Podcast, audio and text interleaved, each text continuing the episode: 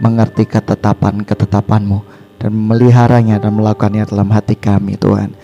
Tuhan biarkan engkau selubungi firmanmu sehingga tidak dipakai iblis untuk menghancurkan anak-anakmu. Sebab firmanmu adalah pedang yang dapat memisahkan perbuatan-perbuatan daging. Tetapi dalam firmanmu kami mendapat kekuatan, keamanan, dan ketenangan. Terima kasih Tuhan. Di dalam nama Tuhan Yesus Kristus, kamu berdoa dan mencap syukur. Yang percaya katakan, amin. Shalom. Oke, okay. hari ini saya mau beritahukan sesuatu yang luar biasa di Lukas 8. Di Lukas 8. Saya mau berkatakan bahwa respon-respon itu hati-hati. Ada respon yang bagus dan ada respon yang kurang bagus saudaraku. Respon yang bagus seperti ini, saudaraku. Kalau emosi lebih bekerja daripada nalar, dia akan menjadi orang yang sangat peka, san, sangat sensitif. Orang bilang peka terhadap rangsangan, saudaraku ya. Apakah itu, saudaraku? Ketika orang jalan di depannya, jebret dia peka. Hei, ada siapa itu? Dia peka. Tetapi orang yang banyak menggunakan emosi, saudaraku, dia akan gampang menemui hadirat Tuhan, tetapi dia nggak mudah menemukan kemajuan di dalam hidupnya. Saya terpaksa khotbahkan ini, saya tergelitik sekali untuk mengkhotbahkan karena itu yang dialami oleh keluarga saya, tante-tante saya. Ketika tante-tante saya ada seseorang yang sakit, apa yang terjadi? Dia langsung tanpa pikir panjang, tidak bawa dompet, tidak bawa apa, dia pakai dasteran, dia naik bis. Saudaraku, sesudah di rumah sakit, dia cuma bisa menangis. Dan cukup, selesai. Sampai di sana cuma selesai. Dia bingung, kebingungan. Saudaraku, ganti dokter satu. Ini dokter ini jelek. Ya, ya dia pakai bahasa Mandarin gitu ya. Uh, ya, situation puhau puhau gitu ya. Hau hau hau ya, seperti itu. Ya, seperti ini gak baik, ini gak baik seperti itu. Akhirnya ganti. Wes pokoknya ganti. Belum ganti satu dokter lagi, ganti dokter kedua. Belum ganti dokter lagi ketiga. Yang kasihan itu siapa?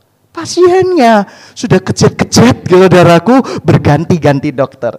Tetapi emosi wanita sangat dibutuhkan saya nggak berbicara ini sekarang saya mulai menggodok yang pria.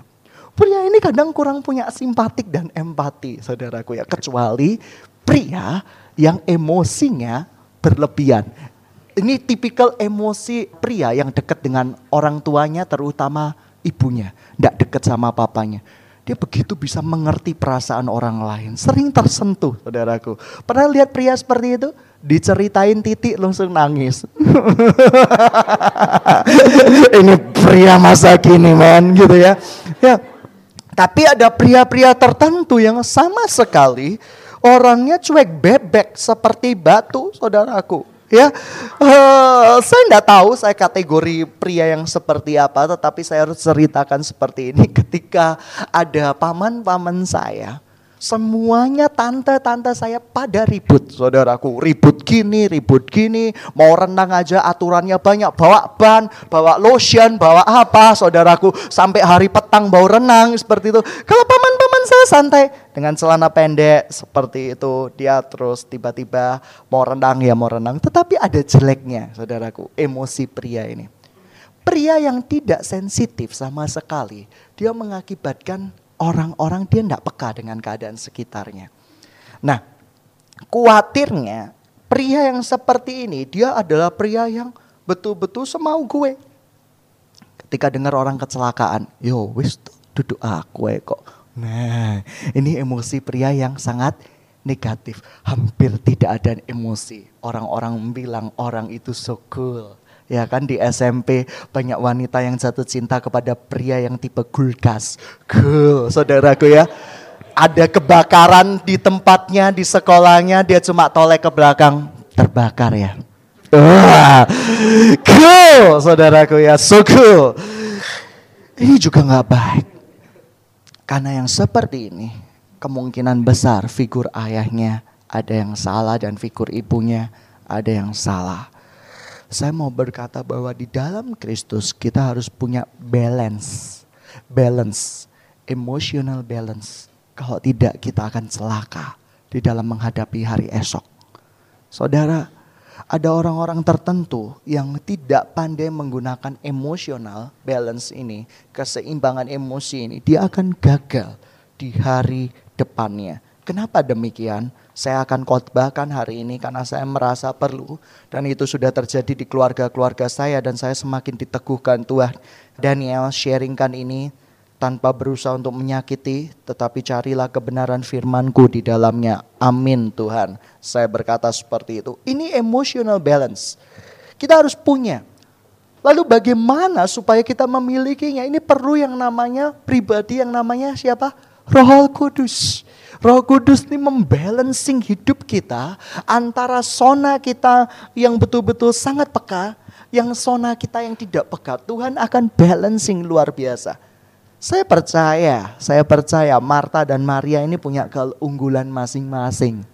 Tetapi saya yang paling yakin orang-orang yang paling sukses di dunianya adalah orang-orang yang punya kestabilan emosi. Kemarin saya baca di buku di Gramedia, ini betul-betul luar biasa kisah-kisah orang sukses, kisah-kisah orang-orang yang radikal.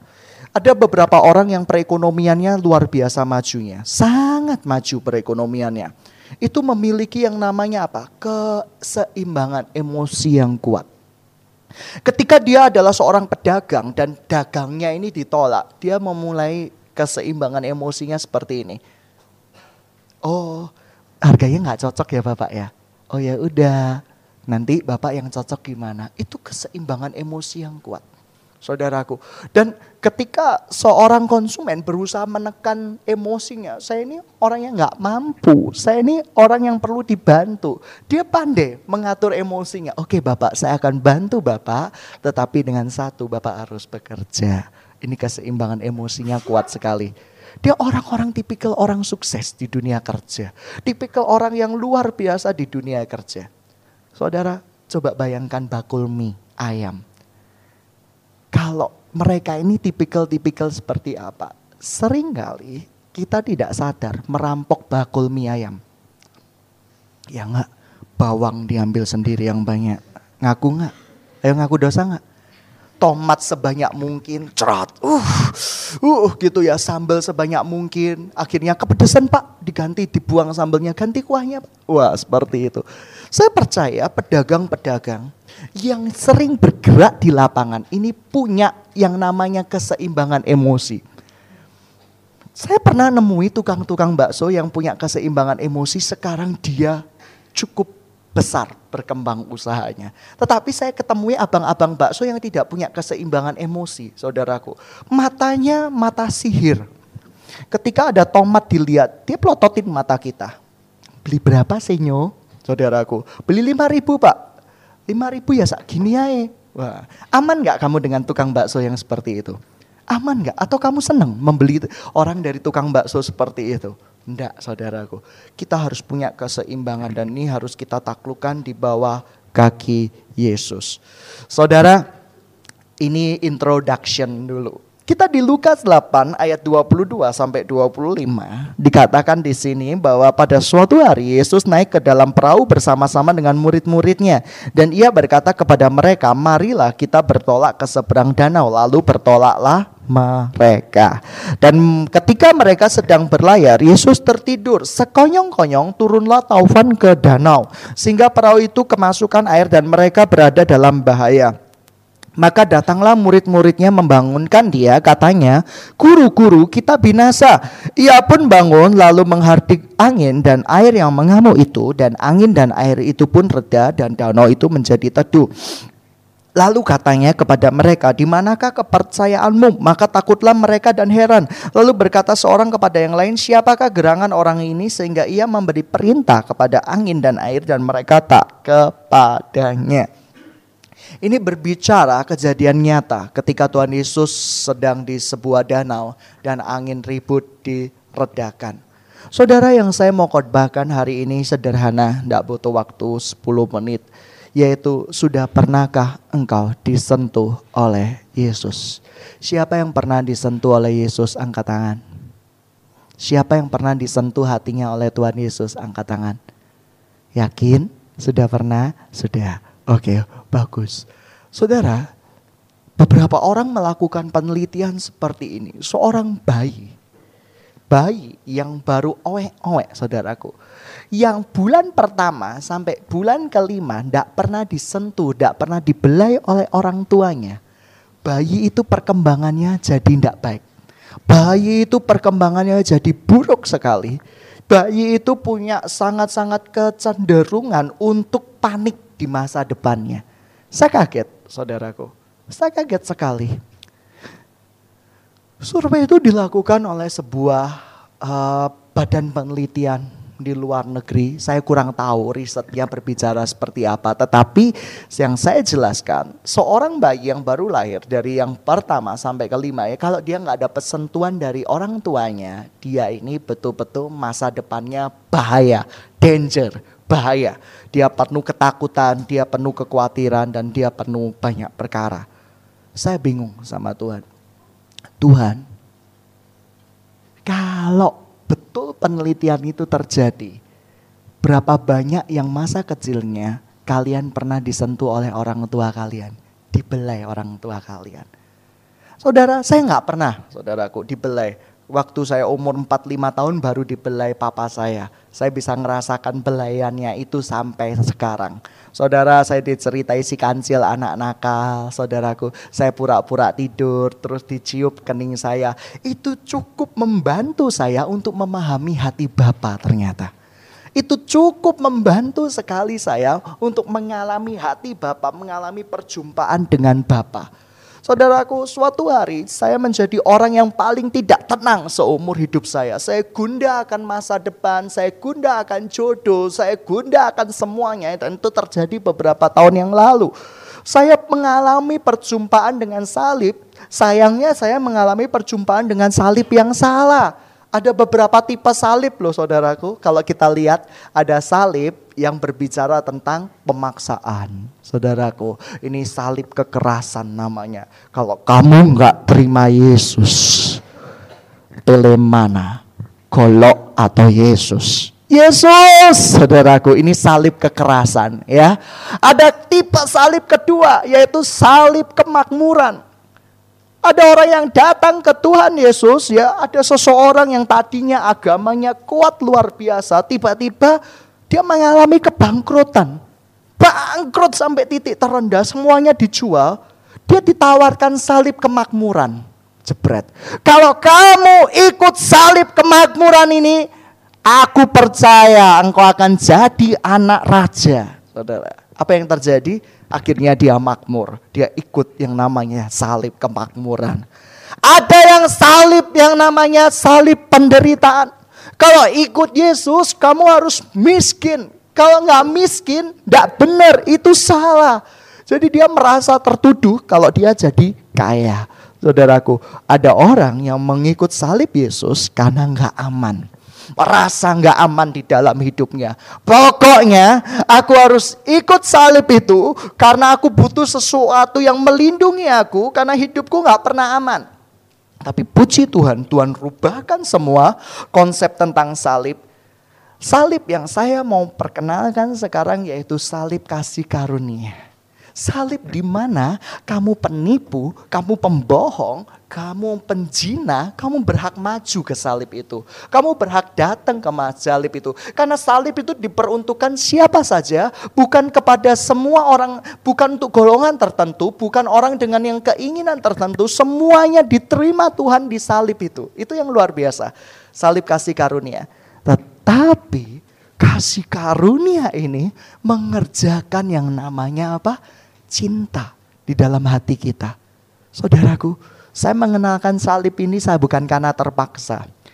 Sepuluh tahun yang lalu saya dikenalkan salib oleh kakak rohani saya, yaitu salib paksaan. Daniel, kalau kamu nggak ikut Tuhan Yesus, kamu nggak akan soke. Daniel, kalau kamu nggak ikut Tuhan Yesus, kamu melarat. Daniel, kalau kamu nggak ikut Tuhan Yesus, kamu nggak dapat jodoh yang cantik. Daniel, kalau kamu nggak ikut Tuhan Yesus, kamu akan mati, masuk neraka seumur hidup. Kamu dibakar, dipanggang, jadi barbeque di sana. Dan seumur hidup saya, saya tidak bisa kenal Tuhan saya. Kenapa? Ketika saya datang ke salib, saya lihat penghukuman yang ada. Saya lihat adanya penghukuman, ini ndak boleh, itu ndak boleh, ini salah. Saya menjadi orang yang paling sensitif seumur hidup saya. Saya takut sekali menduka citakan Tuhan. Saking takutnya saya tidak pernah bisa bebas dan saya tidak pernah bisa bertemu dengan Tuhan. Jangankan untuk bertemu saudaraku, mengalami hadiratnya aja susah. Saudaraku karena salibnya berbicara keras, kekerasan, kekerasan dan kekerasan. Ketika saya masuk ke dalam salib yang namanya salib kemakmuran saudaraku, saya merasa bahwa diri saya harus makmur. Saya harus percaya bahwa konsep saya Tuhan Yesus akan sayang sama saya kalau saya makmur. Dan itu memang Tuhan kendaki dalam hidup saya. Dan ketika saya masuk salib kemakmuran, hidup saya sangat makmur. Percayalah, sangat makmur. Lahir, batin, semuanya makmur, saudaraku. Bagaimana tidak? Gaji pernah 60 juta per bulan, saudaraku. Itu pernah saya lakukan sampai beberapa bulan. Itu betapa nggak makmurnya hidup saya, sangat makmur. Tetapi salib itu membuat saya depresi. Kenapa? Tuhan, kalau tujuan hidup saya hanya untuk cari duit seperti ini, apa artinya hidup saya? Ada tiga peristiwa besar kan di dalam kehidupan seseorang, dua tepatnya, yaitu kelahiran dan kematian. Ada orang yang berkata perkawinan, tidak semua orang pasti mendapatkan yang namanya jodohnya. Karena ada beberapa orang yang selibat. Romo contohnya ya kan? Seperti itu kan selibat seperti itu. Dah yang ngomong berarti kamu pengen selibat. Bercanda cowok itu. Ya, terus seperti itu. Dan salib yang ketiga yang yang luar biasa sekali yaitu salib kemiskinan, saudaraku. Miskin sekali. Saya diajarkan tiga jenis salib ini. Salib penyiksaan, salib kemakmuran, dan salib kemiskinan. Tahu nggak salib kemiskinan itu seperti apa? Ayat favoritnya dari orang yang punya salib kemiskinan ini apa? Orang kaya susah masuk dalam kerajaan surga, saudaraku. Saya begitu merasa tertuduh tujuh tahun yang lalu ketika saya sebelum dengar salib kemakmuran yaitu sari kemiskinan. Saya takut menjadi kaya. Karena bagi saya kaya adalah sesuatu yang mengerikan di dalam hidup saya dan jangan sampai kita beroleh kekayaan itu. Begitu saya mau beli handphone, itu terbukti dari pola hidup saya. Saya tidak pernah beli handphone yang termahal sampai sekarang, saudaraku ya. Pertama nggak butuh, saya cuma bisa buat calling yes no yes no saudaraku pakai operator paling SMS-an saudaraku. Dulu pertama kali kepingin handphone dengan cita-cita segudang bisa buat kamera, bisa buat video, bisa buat apa. Ternyata percuma semuanya, pomong kosong semuanya, kameranya juga aduh paling hasilnya berapa pixel sih ndak ndak bagus sama sekali. Tapi yang terakhir saya dikenalkan Tuhan yaitu tepat dua tahun yang lalu, satu sampai dua tahun yang lalu Tuhan ajar banyak saya mengenai salib kasih karunia ini. Luar biasa. Saya begitu lega. Saya begitu dimerdekakan dengan salib ini. Tuhan berkata, tidak peduli kamu kaya. Tidak peduli kamu miskin. Kamu tetap anakku. Tidak peduli kamu itu di mana pun kamu tetap anakku. Dan kamu jadi seperti apa asalkan aku bersertamu, aku menerima kamu. Ini salib yang luar biasa loh saudaraku. Wah ketika saya datang ke salib itu saya baru pertama kalinya mau jadi full timer sepenuh-penuhnya. Kenapa? Saya begitu cinta sama salib itu. Ini pribadi yang luar biasa yang ada di kayu salib itu luar biasa sekali. Dia menerima saya sampai-sampai saudaraku saya nggak usah dipaksa seperti dulu. Dulu ketika saya terima salib penganiayaan saya dipaksa. Kamu harus doa malam ya atau doa malam dua jam Ya, saya juga lakukan sama anak-anak yang saya muridin semua. Hasilnya apa? Tidak kuatlah mereka. Begitu mereka tidak kuat, senjata andalan saya, pengajaran Yesus memang keras.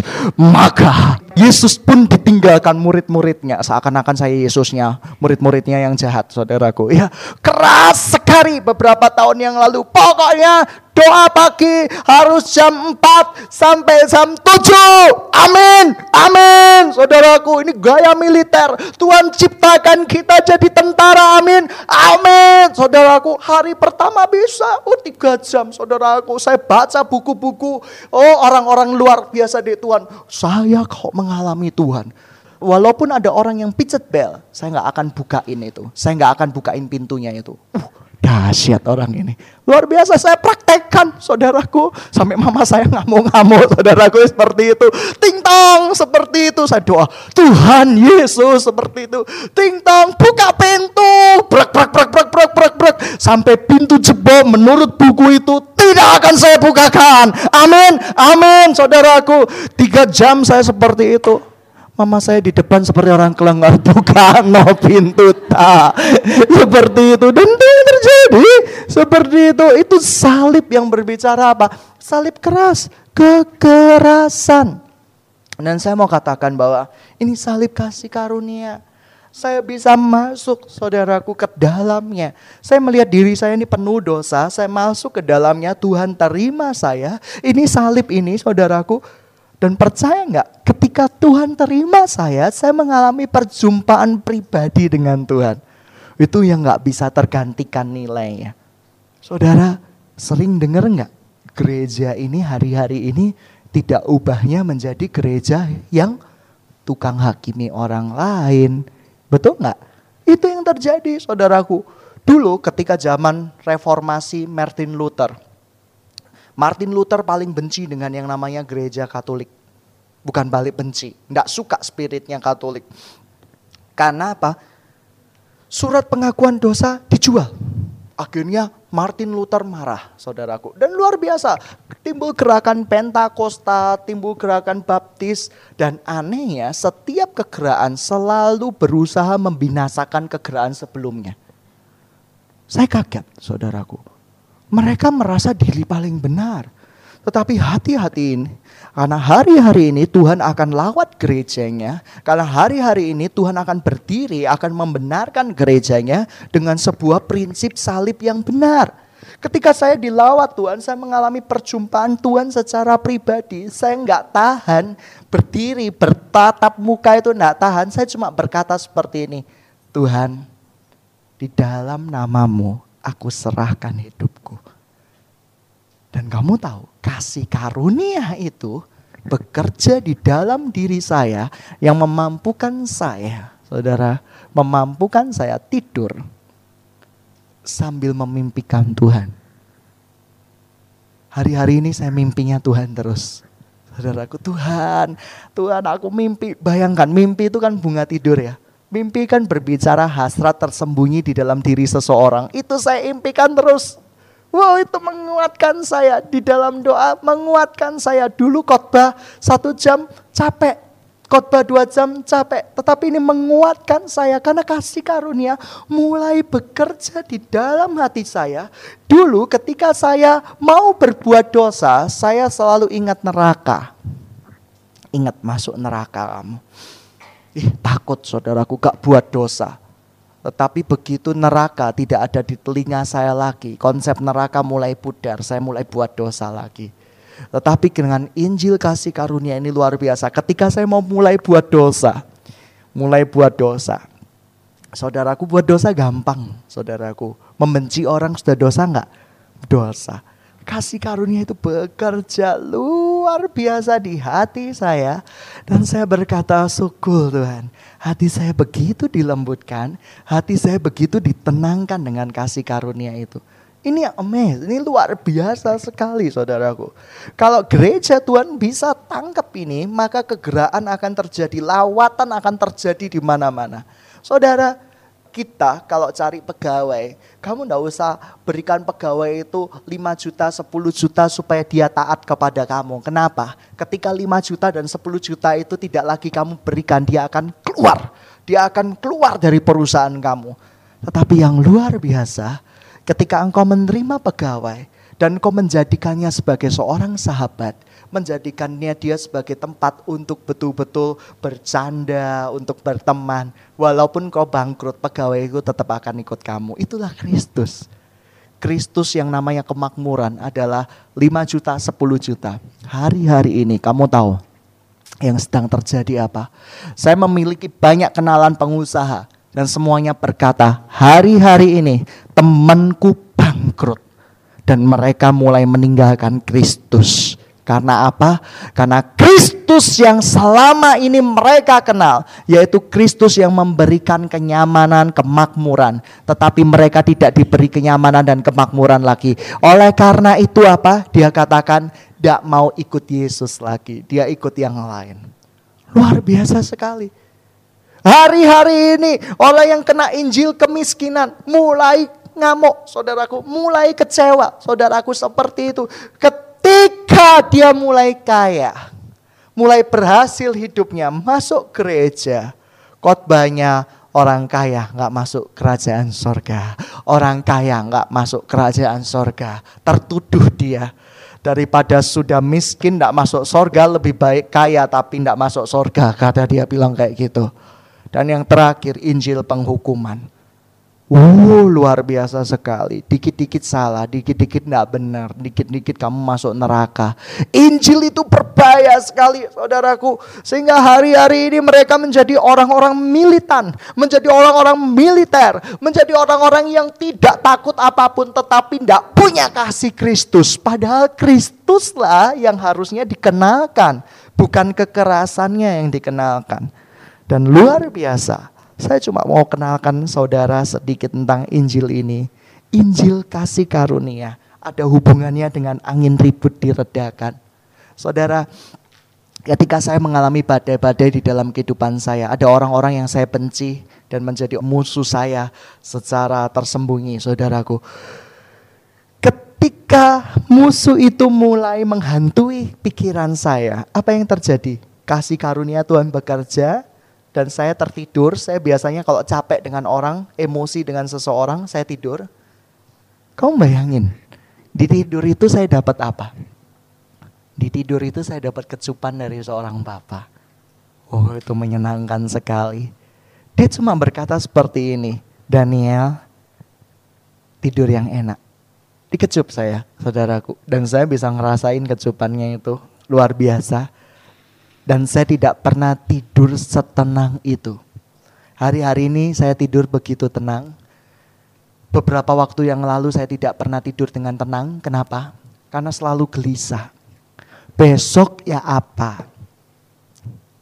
Besok ya apa? Saudaraku, hei, seperti kungfu panda. Wah, itu ada Kristennya kan di dalamnya. Kemarin ya kemarin lah. Hari ini ya kerjakan hari ini, besok ya misteri lah. Kita kasih karunia Tuhan lah mau ngapain besok itu. Itu luar biasa loh saudaraku. Ketika saya merasakan aman dan tenang sama Tuhan, ketika ada orang berkata bahwa, eh hari depan ini ekonomi tambah buruk, saya tenang, saya aman. Eh hari depan ini anak-anak cewek ini harus cari jodoh sejak awal, nanti gak habisan jodoh, tenang, aman bersama Tuhan. Itu ciri dari gereja kasih karunia, tenang, aman, Tuhan pasti sediakan yang terbaik untukmu. Kalau Tuhan tidak sediakan, ya nasibmu untuk selibat. Selesai kan? Selesai. Saudaraku ada kecewaan mulai di sana sini saudaraku ya. ada kekecewaan ini bercanda, ini bercanda ya. Seperti itu. Nah itu yang terjadi, itu yang luar biasa. Nah saudara saya cuma mau sedikit saja sampaikan ini ketika Tuhan Yesus ada di dalam hati kita, ketika kita menjumpai Tuhan Yesus, saya percaya rasa tenang dan aman itu ada bersama kita. Hei, saya mau tanya, apa kekhawatiranmu? Ibuku meminta aku untuk memiliki pacar yang mewah. Siapa yang khawatir dengan jodoh angkat tangan? Tidak perlu, nggak perlu angkat tangan. Siapa yang khawatir dengan jodoh mulai senyum? Uh, banyak yang senyum, saudaraku ya. Tak kasih tahu ya. Allah kita Allah yang menyediakan. Walaupun menurut orang merupakan suatu keterlambatan, Allah tidak pernah terlambat. Tenang nggak? Kalau kita dekat dengan Bapak kita, tenang nggak? Uh, tenang, bodyguard saudaraku. Bodyguard from heaven. Wah, di luar biasa. Tenang sekali, aman. Kamu dimusuhin orang, kamu dijahatin orang, tenang. Bapak kita yang akan bela kita habis-habisan. Ini berbicara Injil kasih karunia, Injil kemurahan. Rasakan dibelai Tuhan, rasakan dikecup Tuhan, tidurmu tidur indah. Hari-hari ini orang yang insomnia, saya mau katakan belajar dipeluk Yesus, belajar dibelai oleh Tuhan Yesus, belajar menerima kasih dari Tuhan Yesus. Hidupmu bukan sleep like baby lagi, tidur seperti orang mati. Betul, tenang sekali, saudaraku, luar biasa. Karena kita tenang, karena Allah kita adalah Allah yang menyediakan. Allah kita adalah Allah apa? Yang melindungi kita. Allah kita adalah Allah apa? Yang mencukupi kebutuhan kita menurut kekayaan dan kehimatnya. Allah kita adalah Allah apa? Yang menyediakan jodoh-jodohmu tepat pada waktunya. Saudara, kalau kita tenang bersama Tuhan, semuanya akan terjadi begitu saja. Ada seseorang yang cukup baiklah. Dia berkata seperti ini Dulu orang kesaksian, kesaksian orang kan macam-macam ya. Ada orang yang berkata seperti ini, tidak apa-apa, tidak mesti Kristen, tidak apa-apa. Yang penting dia cowok, yang penting dia itu baik, yang penting dia itu mengasihi istrinya. Saudaraku, kalau dia nggak ketemu kasih Tuhan, kebaikannya adalah kebaikan yang bersyarat, percayalah. Saudaraku, kalau istriku masih mulus, aku mencintaimu. Kalau istriku sudah keriput, aku mencintai yang lain. Itu yang terjadi, saudaraku. Kesaksian dosa pun disaksikan, amin. Amin, saudaraku. Hari-hari ini dosa disaksikan. Aku bercempu dengan orang yang gak kenal Tuhan. Tetapi jangan batasi karunia Tuhan. Kenapa? Karena Tuhan bisa pakai orang yang gak kenal Tuhan sama sekali. Untuk mencukupi kebutuhanku dan aku bisa menginjili. Sudah menang dia? Belum. Oh tetapi pokoknya yang penting aku bisa menginjili. Lihat dosa pun disaksikan hari-hari ini. Dosa pun begitu disaksikan. Wah luar biasa sekali. Ada orang yang punya Injil penghukuman hari-hari ini salah berat. Dan mereka sedang diambang ke neraka. Ada tiga gerakan di kota besar yang saya lihat saudaraku. Mereka nggak pernah baca firman Tuhan.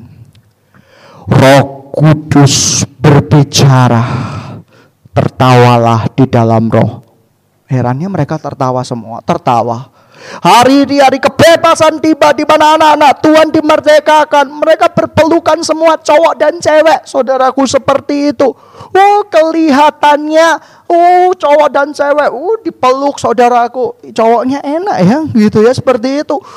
Oh, pantesan kegerakan itu banyak cowoknya saudaraku ya seperti itu. Oh, banyak sekali. Tetapi mereka salah. Mereka nggak mengerti Kasih dari Tuhan adalah kasih yang menghormati tubuh orang lain. Dan itu yang terjadi.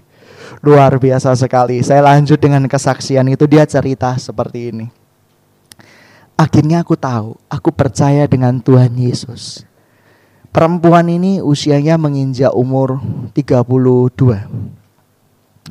Bagi bintang film sih biasa, tapi kan dia buntan bintang film gitu ya, seperti itu. Akhirnya apa yang terjadi? Mulai timbul cercaanmu, mulai timbul bahwa kamu itu pele-pele, kamu itu tidak tahu diri, kamu itu apa, kamu itu nggak apa. Dia tetap aman dan tenang di dalam Tuhan. Dia cuma berkata seperti ini. Ketika aku udah direbut oleh Yesus, yang pertama harap tahu, Yesus itu kekasihku. Yang kedua, kalau Tuhan sediakan pasangan, berarti itu kehendaknya di dalam hidupku dan aku akan jalani itu. Di umur 33 dia dapat pasangan. Kamu tahu nggak apa yang terjadi? Mereka menikah nggak pernah punya anak. Nggak pernah punya anak sampai sekarang. Tapi hidupnya dipakai luar biasa oleh Tuhan. Hidupnya dipakai luar biasa oleh Tuhan. Bukan luar lagi, luar biasa oleh Tuhan. Dia melayani di sebuah pedalaman Orang mati dibangkitkan men. Kalau di kita doain orang flu nggak sembuh, di sana orang mati dibangkitin, betul. Dan di sebuah pedalaman itu, saudaraku, ada anjing-anjing guguk-guguk yang mati dibangkitin sama dia. Kuasanya begitu besar, kuasanya begitu melekat di dalam dia. Saya mau katakan, saudaraku, siapa yang paling berhasil di dalam kehidupannya?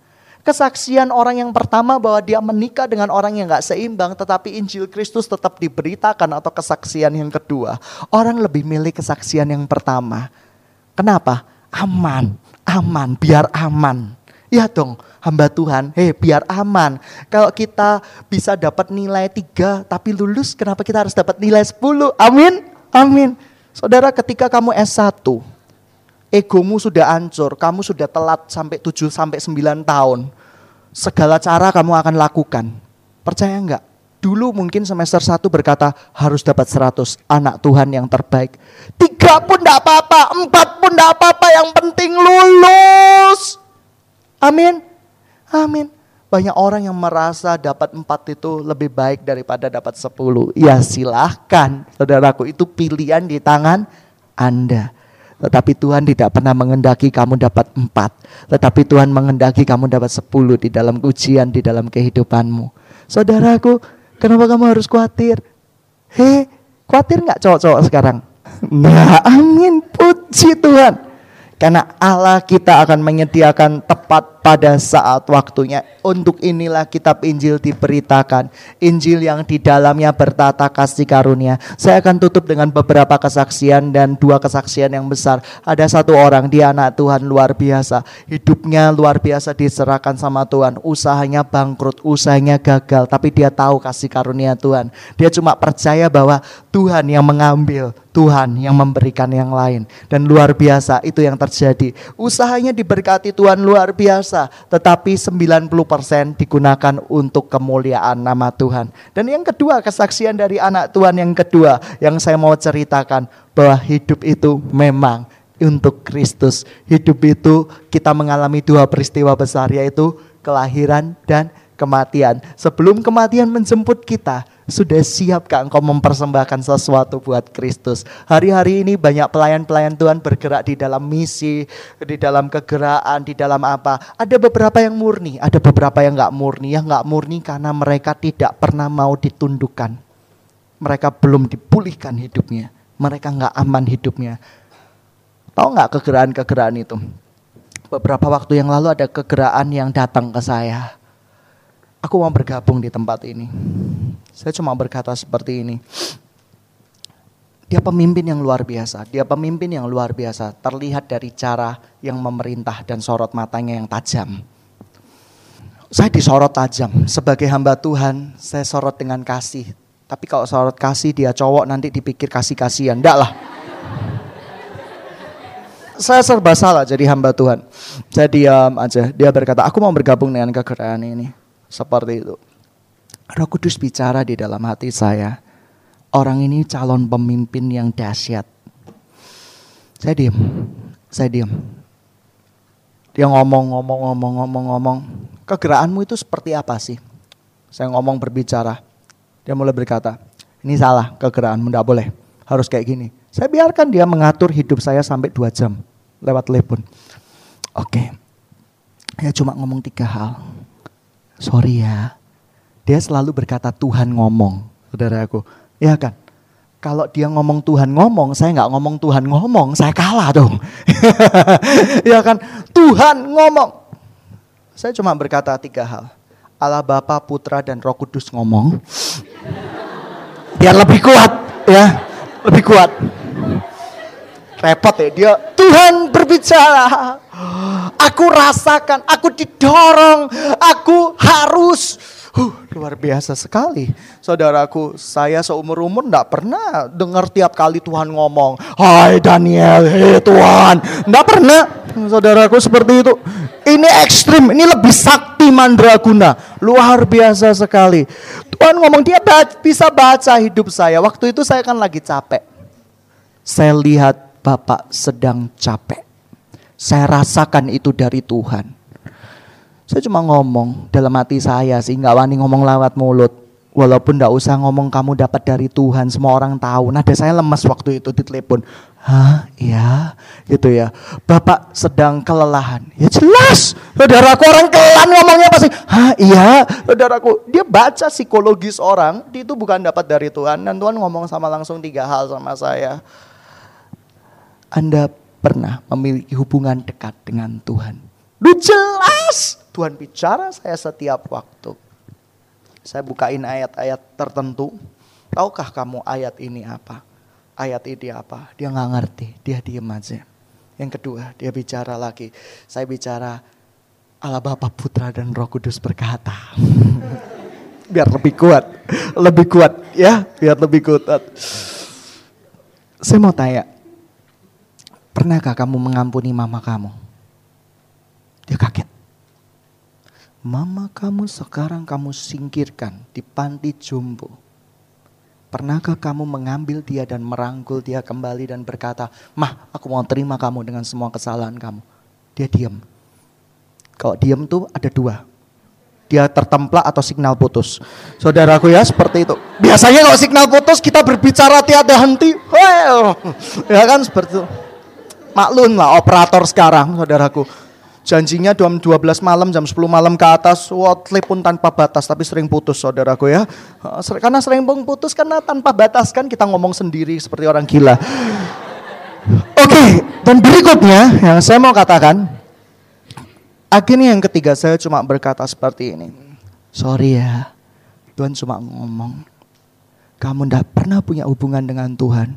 Kamu tidak pernah mengalami Tuhan. Kamu jadi pemimpin atas 300 orang. Mengerikan. Kamu kalau sudah mau menundukkan diri, baru telepon saya lagi. Mengerti kamu? Seperti itu. Saya tidak lihat masa kamu kalau masa kamu dibawa untuk betul-betul dia pemimpin, tapi pemimpin duniawi dia, bukan pemimpin rohani, saudaraku. Anggota-anggotanya itu nurut sama dia, tapi dia nggak pernah mengalami Kristus di dalam hidupnya, nggak pernah seumur-umur mengalami Kristus di dalam hidupnya. Dia cuma berkata, dia menghela nafas tiga kali. Doakan saya, ditutup. Saudara, saudara lihat kamu pikir pemimpin-pemimpin orang masa banyak itu pemimpin pasti rohani? Siapa bilang? Belum tentu. Saudaraku, ada satu orang lagi yang bergabung, mau bergabung dengan saya. Saudaraku, dipikir ini dari Tuhan pasti, belum tentu loh. Dia telepon sama saya, Pak, saya ini mengerjakan misi Pak luar biasa sekali Pak. Tangan saya sampai pernah mau dibunuh orang, leher saya pernah mau digorok orang. Pokoknya bicaranya luar biasa simpatik. Saya sampai menitikan air mata, saudaraku. Duh, dahsyat ini orang ya kan. Uh, sampai betul-betul saya dirajam 10 kali. Saya diginikan berkali-kali, berkali-kali, berkali-kali, berkali-kali. Betul, saudaraku. Tapi ketika saya menangis, Roh Kudus di dalam diri saya mulai bekerja. Lihat spiritnya, beda nggak dengan spirit yang kamu kenal? Sodok sih Tuhan, sodok aneh, tapi luar biasa. Ini cerita yang luar biasa, ini cerita yang kubutuhkan Tuhan. Untuk kukotbahkan sehingga semua orang bisa menangis dan memuliakan namamu. Dengarkan dulu sampai habis. Saya dengarkan sampai habis. Hmm, ya kan, seperti itu. Ujung-ujungnya saudaraku, dia cerita seperti ini, Pak, kegeraan ini butuh yang namanya doa. Amin.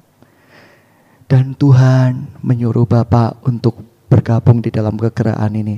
Amin. Gitu ya. Yang ketiga, Pak, uh, kalau Bapak punya uang 200 juta, Bapak bisa sumbang kegeraan ini. Karena itu yang Tuhan minta di dalam Bapak. Oh, kan seperti itu. Tadi terharu-terharu saudaraku tersentak. Bukan saya nggak mau beri duit saudaraku. Tetapi saya udah mulai koreksi. Uh, luar biasa ya iblis saya udah mulai cerita tiga hal. Pak, sekarang bapak tinggal dengan istri keberapa bapak? Saya tiba-tiba ngomong kayak gitu. Dia bilang, saya tinggal dengan istri ketiga saya dan saya disuruh Tuhan kuncinya gitu ya. Siap dibaca orang ini, saudaraku ya. Tidak tahukah tertulis Bapak usai ngomong panjang lebar. Saudara tahu apa yang dia lakukan? Dia matikan handphonenya, saudaraku ya. Saya sudah ngomong 10 menit, Bapak percayalah Tuhan berbicara kepada Bapak. Tapi saya ngomong nggak dengar dia karena sudah dimatikan. Saya ngomong seperti orang gila, saudaraku. Tahu nggak? Saudaraku, saya telepon lagi, saudaraku. Nomor yang Anda telepon sedang sibuk. Wah itu yang terjadi. Percaya nggak saudaraku? Hari-hari ini Tuhan akan tegakkan firman-Nya kembali. Saya berdoa Tuhan, pemimpin yang bukan dari Engkau. Kalau memang saya bukan dari Engkau, kalau semuanya bukan dari Engkau, konsep itu kan, konsep itu apa ya? Bersihkan, basuh Tuhan. Supaya apa? Supaya gerakan ini murni. Kalau enggak gitu bahaya. Banyak anak Tuhan yang terhilang dan tersesat. Tetapi kalau orang-orang saya percaya Injil Kristus akan dibagikan ke mana-mana. Ketika setelah dari SOW Tuhan bicara sama saya. Saya merasakan salib. Salib itu begitu mulia, begitu agung, begitu mempesona. Saya cuma percaya Tuhan berkata seperti ini. Lewat Injilku yang betul. Mereka akan dibawa semuanya ke salib. Dan kamu tahu. Ketika kita molor. Karena kita mengalami lawatan Tuhan yang luar biasa. Saya lihat jutaan orang datang ke salib yang benar ada tiga salib, saudaraku. Jangan lihat ke salib kiri atau salib kanan. Di Golgota itu ada tiga salib. Datanglah ke salib yang tengah. Yang bertatakan Injil kasih karunia. Yang salib yang satunya berbicara apa? Kalau Tuhan mau bawa aku, Tuhan harus selamatin aku dulu. Mungkin tuh salib berkat. Mungkin salib itu yang satunya adalah salib yang lain. Tetapi datanglah ke salib yang tengah. Itu salib Kristus. Banyak jalan menuju ke salib. Tapi salib yang mana? Saudara apabila engkau diperingati Tuhan, ditegur Tuhan. Terima koreksi dalam hati. Jangan biarkan iblis bekerja di dalam hatimu. Dan membuat engkau menjadi semakin dikeraskan hatinya oleh Tuhan. Karena firman Tuhan bermaksud untuk apa? Memperbaiki kesalahan, mengoreksi seseorang, sehingga dia lebih baik hidupnya daripada sebelumnya.